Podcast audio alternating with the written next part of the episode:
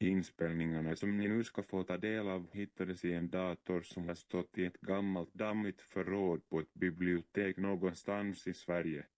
Ingen har använt datorn på många, många år. Vem det är som pratar på inspelningarna har vi ingen aning om. Ingen aning om. Ingen aning om. Ingen aning om. Ingen aning om. Ingen aning om.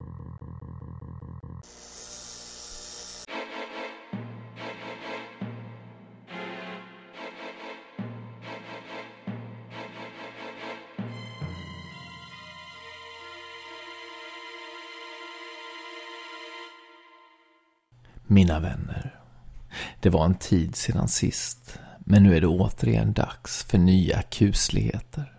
Jag tänkte börja med en kort liten historia om en flicka, en nära vän till mig, som fick syn på någonting obehagligt då hon kom lite tidigt till skolan en morgon.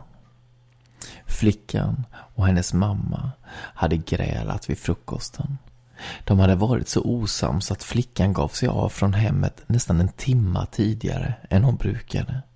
När hon kom till skolan var det helt mörkt i den stora byggnaden. Lärarna skulle säkert dyka upp snart, men ännu hade de inte kommit. Men i ett klassrum på andra våningen kunde flickan ändå se att ett litet ljus brann. Det var en av ettornas klassrum. Läraren som hade denna etta hade varit flickans fröken när hon var liten. Flickan kände att de behövde muntras upp efter grälet med mamman och bestämde sig för att traska upp till klassrummet och prata med sin gamla lärare. Den stora skolporten var till flickans förvåning låst. Men efter att ha slitit några gånger i handtaget sa det plötsligt klick och dörren gick upp. Trapphuset var mörkt öde och den stora marmortrappan såg skrämmande ut. Flickan sträckte sig efter lysknappen, men lamporna verkade vara trasiga. Hon fick välja. Antingen gå ut igen, eller gå upp för trapporna i mörkret. Hon valde att ta sig an trapporna och tog sig på darriga ben uppåt i skolbyggnaden. Det var lika mörkt på andra våningen och inte heller här ville lamporna fungera. Men längst bort i den långa korridoren kunde flickan ändå ana en svag ljuspunkt. Det var till denna ljuspunkt hon måste ta sig för att möta sin gamla fröken. Flickan blev glad när hon tänkte på det och var plötsligt inte alls rädd längre.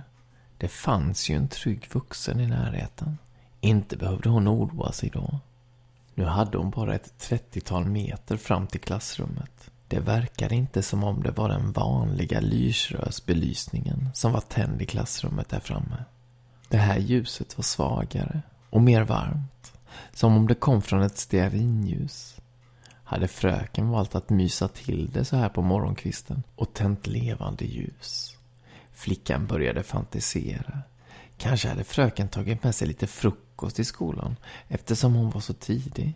Och kanske, kanske skulle hon bjuda på denna. Snart skulle de nog sitta där inne i klassrummet tillsammans och prata medan de åt varsin god ostsmörgås. Åh, det vore härligt. Flickan blev alldeles lycklig och sprang de sista metrarna fram till det upplysta klassrummet. Men då hon tittade in i rummet blev hon förvånad. Det var inte hennes gamla fröken som var där inne, utan en kvinna som hon aldrig hade sett förut. En kvinna med svart huvudduk och en gammeldags grå klänning. Kvinnan skrev någonting på den svarta griffeltavlan. Hon skrev så energiskt och våldsamt att små bitar av den vita kritan yrde omkring henne. När hon såg flickan stannade hon genast upp och vinkade henne till sig. Hennes hand var skrynklig och grå och såg obehagligt knotig ut. Hela kvinnans gestalt utstrålade ett slags obehag som fick flickan att tveka. Skulle hon verkligen gå fram till henne? Nej, nu fick hon skärpa sig. Inte kunde väl en gammal tant vara farlig? Hon tog några steg mot kvinnan som genast satte igång att skriva igen. Hon skrev så otroligt fort och målmedvetet nästan som i trans. Flickan ville så gärna se vad det var hon skrev. Nu befann hon sig bara en meter från kvinnan. Hon tittade upp mot griffeltavlan. Kvinnan använde en mycket vacker men svårtydd och gammeldags skrivstil. Flickan fick koncentrera sig för att se vad det stod. Men när hon väl såg det blev hon så förskräckt att benen vek sig på henne och hon föll baklänges. Hjälp mig, hade kvinnan skrivit. Hjälp mig, hjälp mig, hjälp mig. Jag brinner i helvetet. I panik reste sig flickan upp och sprang ut ur klassrummet och i samma stund flammade kvinnan upp som om hon indränkt i bensin kommit för nära en tändsticka. Det sista flickan såg av henne var hennes ansikte omslutet av eldens lågor som förvreds i en plågad min. På vägen ut från skolan mötte flickan ett flertal lärare som var på väg in.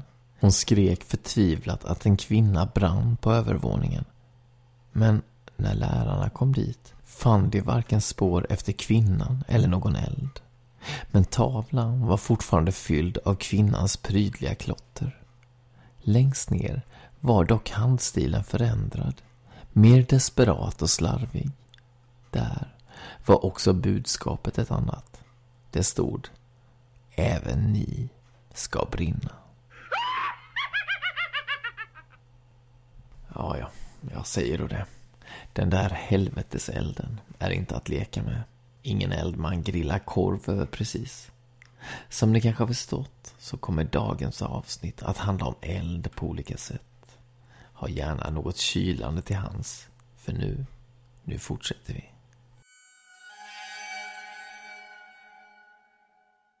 På sajten yourghoststories.com berättar signaturen T. Flores 13 om märkliga upplevelser som hon varit med om.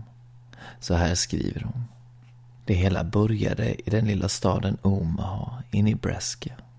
Min mamma och jag hade flyttat dit från Kalifornien för att få en ny start. Mamma hade fått jobb som kock på en liten lokal restaurang och vi hittade en sliten tvårummare i ett ganska stort lägenhetskomplex. Området var ganska fattigt men okej okay, och där fanns både mindre villor och hyreshus. En natt väckte mamma mig. Hon verkade orolig och berättade att det brann i kvarteret. Man kunde höra skrik och rop från gatan och hela lägenheten blinkade blå på grund av räddningsfordonen som stod utanför. Jag och mamma gick ut i köket och spanade ut genom fönstret. Det var huset mitt emot som stod i lågor. En något nedgången men ganska gullig liten villa. Pojken som tillsammans med sin familj bodde i villan gick på min skola och jag blev genast nervös. Hade han klarat sig? Dagen därpå fick jag svaret. Rektorn kom in och förklarade med underlig min att pojken omkommit i branden. Och jag minns att jag grät när jag hörde det. Trots att jag egentligen inte kände pojken. Två år passerade och mamma fick ett nytt, bättre restaurangjobb. Vi hade båda två drömt om ett eget litet hus. Och nu kunde drömmen bli verklighet. Vi lämnade lägenheten och flyttade till en liten villa. Det var samma villa som förstördes i branden två år tidigare, men som nu hade byggts upp igen. Vi hyrde huset och då vi frågade ägaren varför hon inte sålde huset istället förklarade hon att hon inte trodde att tillräckligt många skulle vara intresserade. Det går så mycket rykten om det här huset, sa hon, för att sedan snabbt byta samtalsämne. Varken jag eller mamma kom oss för att fråga vad hon menade. Vi bara ryckte på axlarna och var lyckliga över att äntligen få bo i en villa. De första veckorna hände inget särskilt. Min halvbror, som i vanliga fall bodde med sin pappa i Kalifornien, kom för att stanna hos oss en tid. Han fick ett eget rum på andra våningen. Mamma gjorde sig hemmastad på bottenplan och jag kom att ha mitt rum uppe på vinden. Så en kväll, då vi satt och såg på tv i soffan, hände någonting. TVn stängdes av av sig själv och istället drog radion igång. Det var en ganska obehaglig radioteater just då och jag blev livrädd när upprörda röster började skrika ut svordomar från radion. Då tänkte jag att det var något fel på elen i huset. Men när även andra märkligheter inträffade började jag tro något annat. Saker försvann spårlöst. Mamma trodde att jag blivit slarvig eftersom jag aldrig längre kunde hitta mina grejer. En dag när jag kom hem från skolan bredde jag mig en smörgås och hällde upp ett glas mjölk i köket. Jag planerade att äta den i soffan framför tvn. Jag gick för att byta om till mjukisbyxor och munkjacka för att få till den där riktiga myskänslan. Och när jag kom tillbaka till köket för att hämta maten var mjölken urdrucken och jag är säker på att varken mamma eller min bror var hemma vid det här tillfället.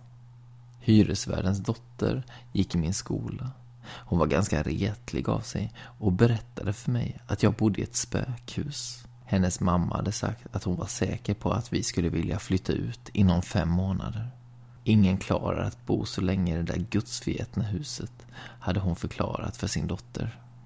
Om nätterna hörde jag ofta någon som gick uppför och nerför trappan och hur någon sprang i hallen utanför mitt rum. Ibland kunde jag även få för mig att någon pratade tyst någonstans i huset. Min bror började drömma mardrömmar om en lång man i svart hatt. Mannen sträckte sig fram och viskade i hans öra. Har du någon gång lekt med tändstickor? Det är kul, sa mannen. Till att börja med gick det lång tid mellan dessa obehagliga drömmar, men snart blev de mer frekventa och även mer hotfulla. Bränn ner huset, kunde mannen viska. Och vet ni, min bror försökte. Om inte mamma hade haft ett så bra luktsinne så hade elden spridit sig från mattan som min bror satte eld på till möblerna och väggarna i rummet. Vi kände oss otrygga i huset och till slut gick mamma för att tala med hyresvärden. Det han berättade för henne ger mig fortfarande kalla kårar. Polisens utredning kring branden i huset två år tidigare slog fast att det var sonen som startade eldsvådan. Han hade lekt med tändstickor och av misstag råkat sätta eld på en gardin. Elden spred sig och ganska snart stod hela övervåningen i lågor. Pojken fick panik och försökte ta sig ut, men elden hindrade honom från att ta sig till trapporna. Till slut fann han ingen annan utväg än att hoppa från ett fönster. Olyckligtvis landade han rakt på det gamla staketet bestående av järnstänger som omgav huset. Han omkom omedelbart. Pojkens mamma hade berättat för polisen att märkliga saker skett i huset ända sedan den första dagen som de bodde där. Hon beskrev det som att huset hade en egen vilja. Saker försvann och sonen hade vid flera tillfällen påstått att han talat med en man vid trappan. Mannen hade viskande uppmuntrat honom att bränna ner huset. Mamman hade inte lagt någon större vikt vid detta. Men när pojken även började prata rakt ut i luften och böna och be om att få bli lämnad i fred av någon som uppenbarligen inte fanns där, då blev hon orolig. Pojken hade vid några tillfällen skrikit rakt ut.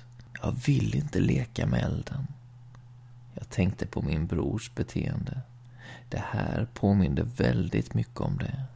Både jag och mamma blev oroliga och mamma började leta efter en annan bostad. För att se till så att vi var ensamma hemma så lite som möjligt lät hon oss delta i en mängd olika aktiviteter på kvällarna. Vi fick börja med olika sporter och dessutom var vi varje onsdag tvungna att stanna kvar i skolan och delta på läxhjälpen. Men en sen kväll hände något obehagligt trots att mamma var hemma.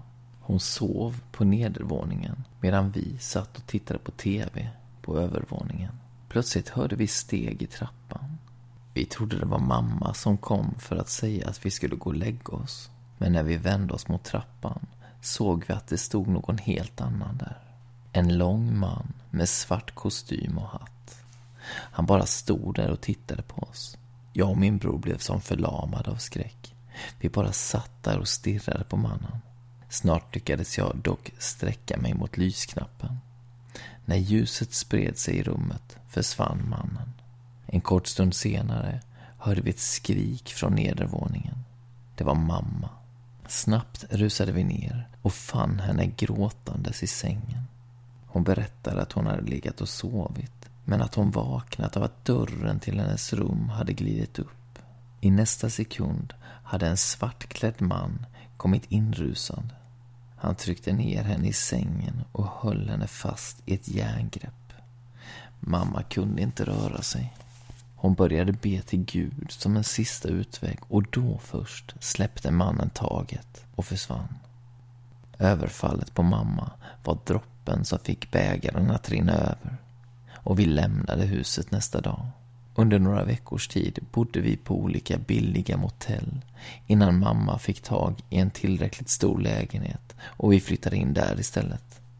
Jag vet inte vad som hände oss i det där huset och jag hoppas att ingen ska behöva uppleva samma obehagliga saker som vi var med om. Jag tror att huset står tomt nu, men en vacker dag flyttar säkert en ny familj in. Vad händer då? Det vågar jag inte ens tänka på. Nästa historia hämtar jag från Scary for Kids. Condy Cunningham var en flicka som gick på Alabama Girls Industrial School i början av 1900-talet. Skolan var en internatskola och Condy bodde på fjärde våningen i den delen av skolan som var studentbostäder. En sen kväll satt Condy och hennes vänner i Condys rum och hade det trevligt. Någon började tala om varm choklad och alla blev otroligt sugna. De lyckades ordna fram ingredienserna. Tyvärr saknade studentrummen kök, men det fanns en liten gasbrännare att tillgå.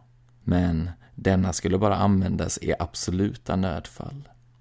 Gänget tyckte att detta var ett sådant nödfall och man satte igång brännaren och började värma upp kastrullen med mjölk. Av någon anledning hade gänget valt att sitta i Kondis säng och tillaga chokladen. Plötsligt råkade någon stöta till brännaren som välte och antände sängkläderna. Elden spred sig snabbt och snart stod hela sängen i lågor.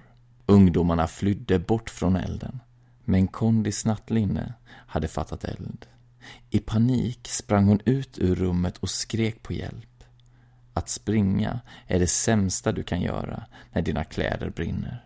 Hade Kondi lagt sig ner på marken och rullat hade troligtvis elden slocknat. Nu gjorde hon inte det. Elden fick gott om syre då hon brinnande och desperat sprang upp och ner i korridorerna. Hennes vänner lyckades inte få henne att stanna och kunde bara se på när elden slukade henne. Till slut föll hon ihop på marken. Hon avled på platsen. Ända sedan Kondis död har hennes spöke hemsökt skolan. De studenter som har bott på samma våning som Condy efter hennes död berättar att de många gånger har hört hjärtskärande kvinnoskrik ute i korridoren. Flera personer har även hört springande steg där ute och hur någon desperat skriker ”Hjälp mig”. En sen kväll hörde en flicka som bodde i Kondis gamla rum märkliga ljud från korridoren. Hon öppnade dörren och fick till sin fasa se en brinnande gestalt som rörde sig snabbt upp och ner i korridoren. Det var som en mänsklig fackla som rörde sig där ute, förklarade flickan senare. Hon blev rädd, smällde igen dörren och sprang tillbaka in på sitt rum. Där fick hon ännu en chock då hon upptäckte att hennes säng stod i lågor. Nästa dag lämnade hon skolan och kom aldrig tillbaka igen. Men det allra märkligaste fenomenet som kan kopplas till Kondi och hennes död har med dörren till hennes rum att göra. Strax efter Kondis död såg nämligen hennes vänner hur en bild av Kondis brinnande ansikte trädde fram i dörrens trä. Skolvaktmästaren bytte snart ut dörren, men döm av allas förvåning då ansiktet dök upp även i den nya dörren. Under åren har många studenter skrämts av bilden i dörren. För några år sedan valde man därför att plocka ner dörren och ställa den i ett förråd istället. Numera har rummet ingen dörr och därför bor inte heller någon i Kondis gamla rum. Men Kondi, hon fortsätter att spöka.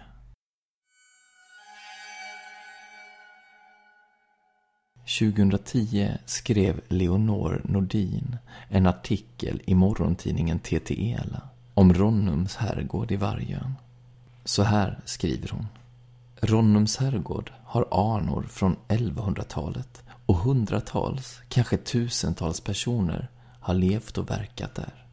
Kristin Eriksson, receptionschef på Ronnum, har hört många berätta om underliga saker som har inträffat på herrgården. Speciellt i svit nummer tre i den vänstra flygeln. Det är här det sägs att gårdens spöke Ebba går igen. Ebba ska ha varit fru på herrgården. En kväll upptäckte Ebba att hennes make hade en kärleksaffär med en piga på gården. Ebba blev rasande och satte eld på hela herrgården. Meningen var att bara mannen och pigan skulle dö. Men Ebba brann själv inne. Bara husgrunden stod kvar efteråt. Kristin Eriksson berättat att många i personalen har känt en stark närvaro av Ebba. De har inte sett någonting, men hört smällande dörrar och fönster och ibland även svaga toner av musik. En nattportier slutade till och med på grund av spökerierna. Han hade vid flera tillfällen mött Ebbas spöke. Under inspelningen av filmen Manderley bodde hela filmteamet på herrgården. Skådespelerskan Harriet Andersson bodde i svit nummer tre. Hon hade inte hört talas om spökhistorierna. Men när hon kom ner på morgonen frågade hon ifall det kunde finnas en vålnad i hennes rum. Hon hade en stark känsla av att någon bevakade henne. När man berättade för henne om Ebba så bekräftade det hennes upplevelse. Men Harriet valde ändå att bo kvar i rummet. Hon trodde inte att spöket var elakt. I en tråd under ämnet paranormala fenomen på forumet Flashback berättar signaturen Bristol om sina upplevelser på herrgården. Så här skriver hen. Jag jobbade som kock på Ronnums herrgård utanför Trollhättan hösten 09. Det var fredagskväll och jag stod i köket när en gäst kom in och sa att det droppar vatten från en lampa på första plan. Jag går och kollar och mycket riktigt droppade. Huset har tre våningar, så jag går upp på den översta våningen där det är ett personalutrymme. Jag kollar i killarnas och tjejernas omklädningsrum. I tjejernas omklädningsrum står duschkranen på, så jag stänger av den. Det konstiga är att det nästan aldrig är någon som använder de omklädningsrummen. Så vem hade skruvat på duschkranen? I alla fall så går jag ner till andra våningen och kollar in i ett jättestort förrådsrum. Där är det massor av vatten, så jag får börja torka upp det. Mitt under alltihop så hör jag att pianot i ett angränsande rum börjar spela. Och jag tycker att detta är mycket konstigt med tanke på att jag tror att jag är den enda på den här våningen. Jag öppnar i alla fall dörren till rummet där pianot står och där är ingen. Jag tycker att detta är väldigt obehagligt så jag springer ner till köket där den andra kocken är och berättar för honom. Då säger han att det spökar i rummet. Att det är den före detta ägarinnan som spökar på andra våningen. Sedan har jag pratat med en annan kock som har jobbat där och hon har sagt att man kan känna parfymdofter som kommer bara helt plötsligt när man går i köket. Hon har också berättat att receptionspersonal som jobbat kväll har kommit in i köket och upptäckt att allt legat huller om buller. Trots att ingen människa sagt sig ha varit där. Avslutningsvis ska jag läsa en historia av den isländska författaren Gerdur Kristny. Den heter Bara Sara och du hittar den i samlingen Det spökar i Norden. Januarimörkret svepte in staden och smet tätt intill köksfönstret. Sara satt i sina egna tankar och petade i maten. Då och då tittade hon upp. Det kändes som om någon kikade in på henne utanför fönstret. Men hon såg inget annat än sin egen blanka spegelbild i rutan. Vad ser du på? frågade mamma och stack en potatisbit i munnen. Ingenting. Är du inte hungrig, barn lilla? Sara skakade på huvudet. Hon ville inte säga vad det var till sin mamma, för hon ville inte göra henne orolig. Fastän hon var elva år tyckte hon inte om att vara ensam hemma när hennes mamma arbetade natt. Mamma hade förklarat för henne att det måste finnas några som tog hand om de gamla även på natten och att de behövde pengarna om de någon gång skulle kunna rusta upp huset. Det fanns inget Sara hellre ville än att de skulle bli färdiga med reparationerna på det lilla huset som det drog kallt igenom när det blåste mycket. Stormen ven i springorna vid fönstren som inte gick att stänga ordentligt därför att fönsterkarmarna var så skeva. Och när hagelkornen slog mot rutorna var Sara rädd att glaset när som helst kunde spricka och att skärvorna skulle rasa in över henne. Golvbrädorna hade stora springor och ibland steg det upp en konstig lukt från källaren. Det var ingen som visste vad lukten kom sig av. Men Sara mådde alltid lite illa när den plötsligt kom upp mellan golvbrädorna. Det hade börjat blåsa mer och mer under dagen och huset dånade som en jättestor orgel som en massa vansinniga människor spelade på. Från övervåningen, där Sara hade sitt rum, tjöt alltid så att det lät som om någon sjuk hund stod bunden där uppe. Om det händer något kan du bara ringa. Numret till avdelningen står på lappen vid telefonen, sa mamma. Hon reste sig och tog på sig jackan. Sedan sa hon. Men det händer förstås ingenting. Nej, vad skulle det vara? sa Sara. Mamma hade hunnit ut på parkeringsplatsen när hon vände sig om och ropade genom blåsten. Eh, gå inte ner i källaren. Den är så full av skräp. Och jag vill inte att du ska gå runt där nere. Det var ganska onödigt att säga det till Sara, för hon tyckte illa om källaren och hade aldrig satt sin fot där nere. Det var en avlång källare med två små skrubbar där hennes mamma tänkte förvara gamla skolböcker, skidutrustning och julpynt. Men än så länge var källaren tom. Den gamla damen som hade sålt huset till dem hade inte heller tyckt om källaren. Hon gned nervöst sina händer när mamma ville gå ner i källaren och sa att hon skulle vänta där uppe. Då bestämde sig Sara också för att stanna där hon var. Hon tittade nyfiket på fotografierna på väggen medan mamma var borta. Det är så mörkt där nere. Det var bra att du stannade här, sa damen och klappade Sara på axeln. Så berättade hon om människorna på fotografierna. Vad de hade hetat, vad de hade gjort och var de hade bott. En pojke med hängslen hade blivit kommunordförande på östkusten. Ett ungt brudpar hade flyttat till Norge och fått åtta barn och en liten flicka i dopklänning hade blivit läkare och räddat många människoliv.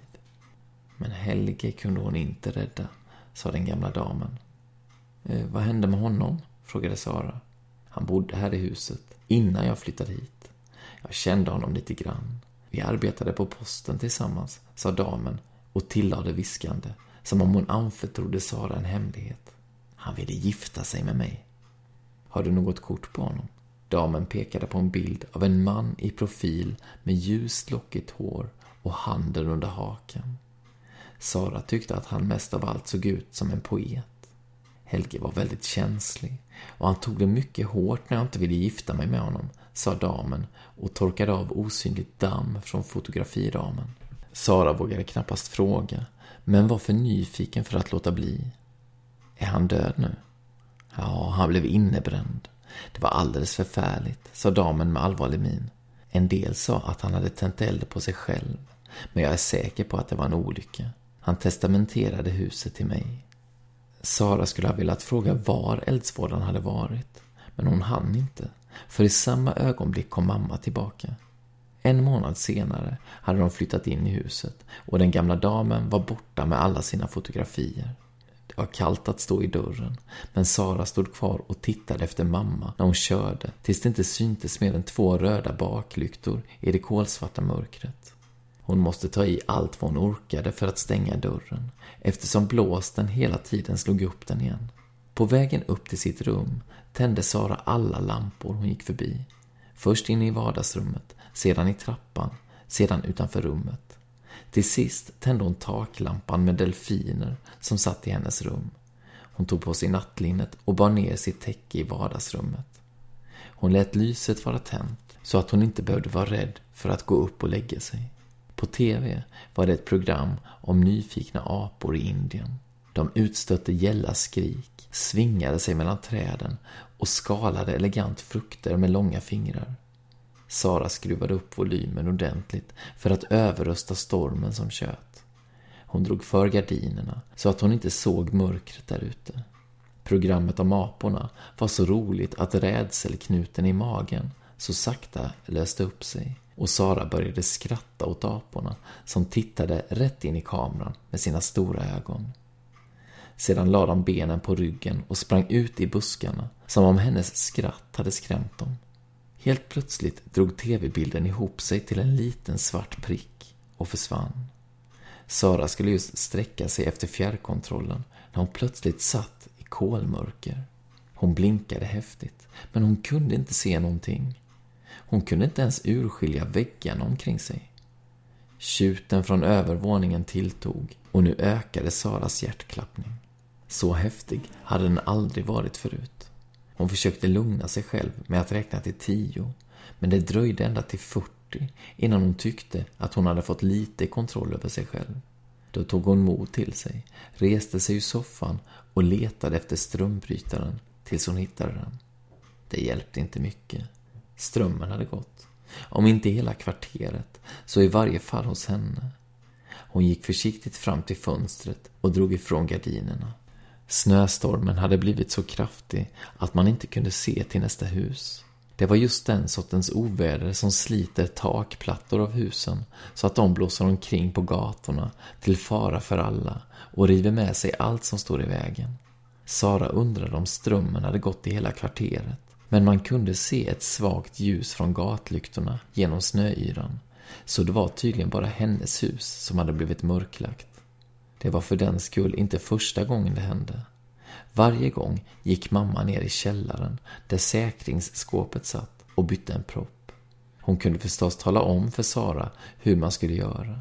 Sara hittade telefonen och knappade in numret till avdelningen så fort hon kunde och väntade. Ingenting hände. Telefonen var död. Nej, nej, nej, hörde Sara sig själv säga.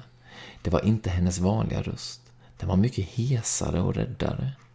Det drog iskallt genom golvet nerifrån källaren och Sara fick gåshud över hela kroppen. Hon kikade ner, men hon kunde inte se sina fötter. Så mörkt var det. Däremot såg hon något annat som fick henne att rycka till. Mellan golvbrädorna såg hon att det lyste. Bara en sekund och så var det borta.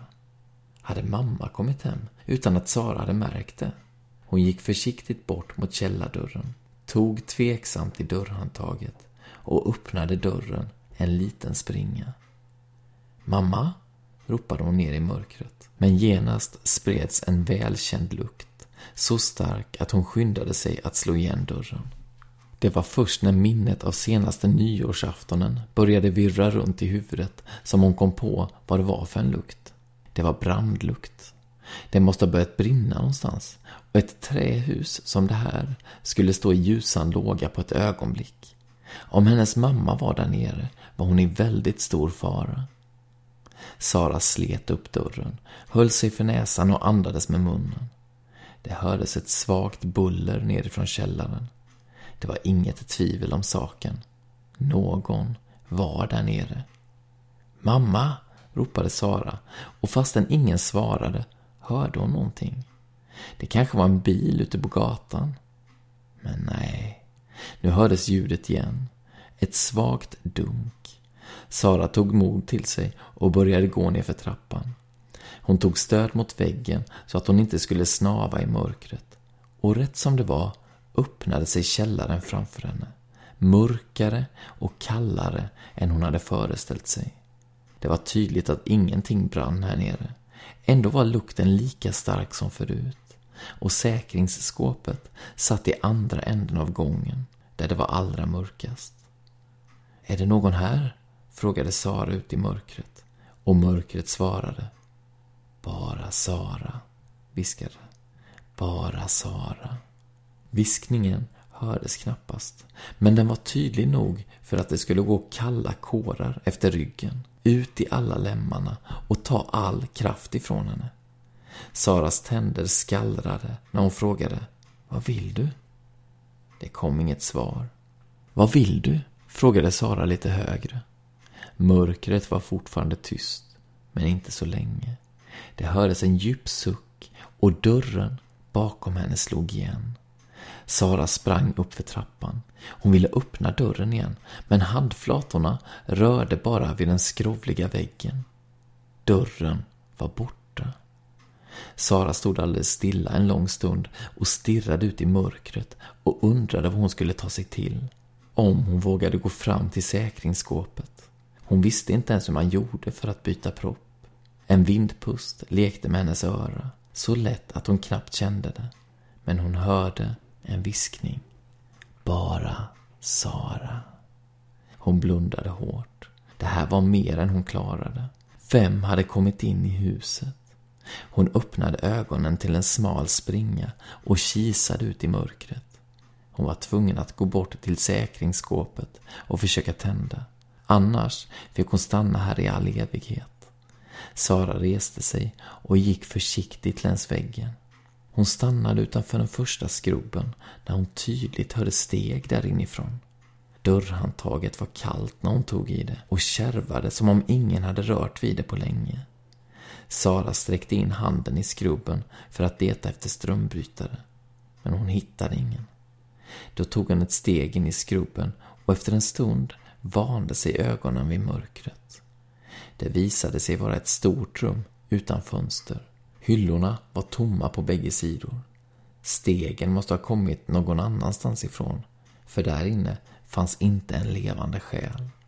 Sara tänkte stänga dörren när ett litet ludet grått djur yrde förbi hennes fötter.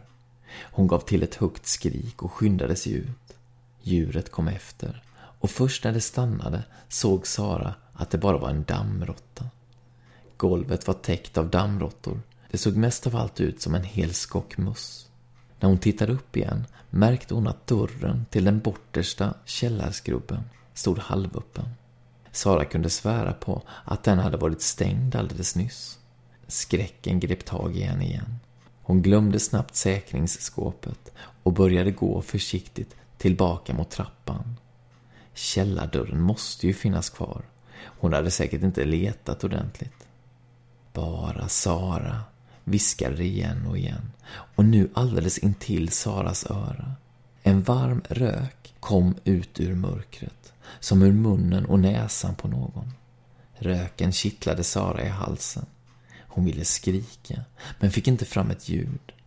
Dörren till bortersta källarskrubben gick upp på vid gavel nu med ett utdraget knarrande fastän varken Sara eller någon annan synlig varelse stod i närheten. Det blev korsdrag i källaren och så hördes ett svagt ljud från den mörka skrubben. Där fanns någon.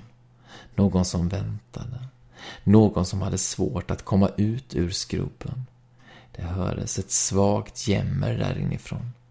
Långsamt närmade sig Sara den mörka dörröppningen och kikade in. Eh, mamma, sa hon, är du där? Det blev en rörelse i mörkret och så kom en svart skugga utfarande som inte stannade förrän den var mitt framför Sara. När det såg ut som om en skepnad började ta form upplöstes den plötsligt. Sara ville vända och springa ut, men hann inte. Plötsligt rörde sig två armar framför henne. De såg ut att sväva i luften. Och först trodde Sara att de hade mörka tröjärmar på sig. När hon kände lukten från dem gick det upp för henne att de var täckta av svart, förkolnad hud. Här och där skymtade röda köttsår. Sara kände att hon måste kräkas. Tårarna trängde fram i ögonvrårna. Hon önskade att hon hade lyssnat till sin mamma och aldrig gått ner i källaren. Nu brinner vi tillsammans. Se lågorna, sa en röst. Och fast den var mycket djupare och starkare var det alldeles säkert samma som förut. Armarna försvann ett ögonblick, men blev snart synliga igen. Och det såg ut som om de ville gripa tag i Sara. Hon vred sig undan och sprang panikslagen ut i gången. Rusade upp för trappan och började slå som en vansinnig på dörren. Dörren flög upp. Det var som om den hade funnits där hela tiden. I vardagsrummet var det så ljust att det stack i ögonen på Sara. Hon tog sitt täcke från soffan och skyndade upp i sitt rum, där allt var som vanligt. Delfinerna kastade skuggor på väggen ovanför sängen och vinden blåste mot huset utifrån. Men Sara var för trött för att lägga märke till det. Hon svepte täcket om sig och bad sin aftonbön med låg röst. Gud som haver barnen kär, se till mig som liten är. Utom stormandet utanför var allt tyst. Saras ögonlock blev tyngre och tyngre. Hon förmådde nätt och jämnt läsa bönen färdigt. Vart jag mig i världen vänder, började hon, men kom inte längre. För i samma stund höljdes delfinerna och hon själv i mörker. Mycket tidigt, medan det fortfarande var mörkt i rummet, hörde Sara en bil köra fram till huset. Hon hörde sin mamma komma in från kylan och upp för trappan. Sara var för trött för att slå upp ögonen, men hon kände att hennes mamma lutade sig över henne och stoppade om henne. Där ute höll grannen på att skotta snön av farstubron. Ett säkert tecken på att en ny dag var på väg. Så mina kära, nu har ni väl lärt er någonting? Skoja aldrig med förkolnade farbröder som lever i källare. Det var allt för den här gången. Men till nästa gång. Ondskan finns där ute. Så håll ögonen öppna.